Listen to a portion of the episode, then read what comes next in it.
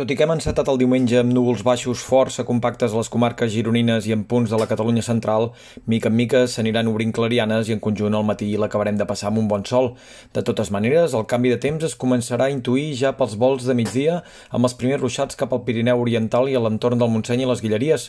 Amb el pas de les hores, aquests xàfecs sobtats, localment intensos, aniran a més i ben entrada la tarda podran afectar també l'àrea metropolitana i de cara al vespre i nit s'aniran despassant cap al sud i descarregaran amb ganes també cap al Garraf, al Penedès o al Baix Llobregat.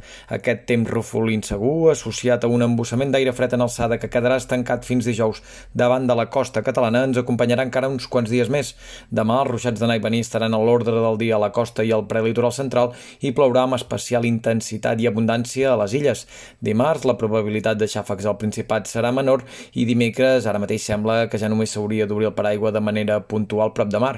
En tot cas, aquest pronòstic a mitjà termini no és del tot sòlid i dependrà en bona part de la ubicació definitiva de l'embussament d'aire fred. Pel que fa a les temperatures, avui la refrescada només es deixarà notar al terç nord del país i moltes màximes a la Catalunya central, a Ponent i a la Vall de l'Ebre encara rondaran o fins i tot superaran els 30 graus.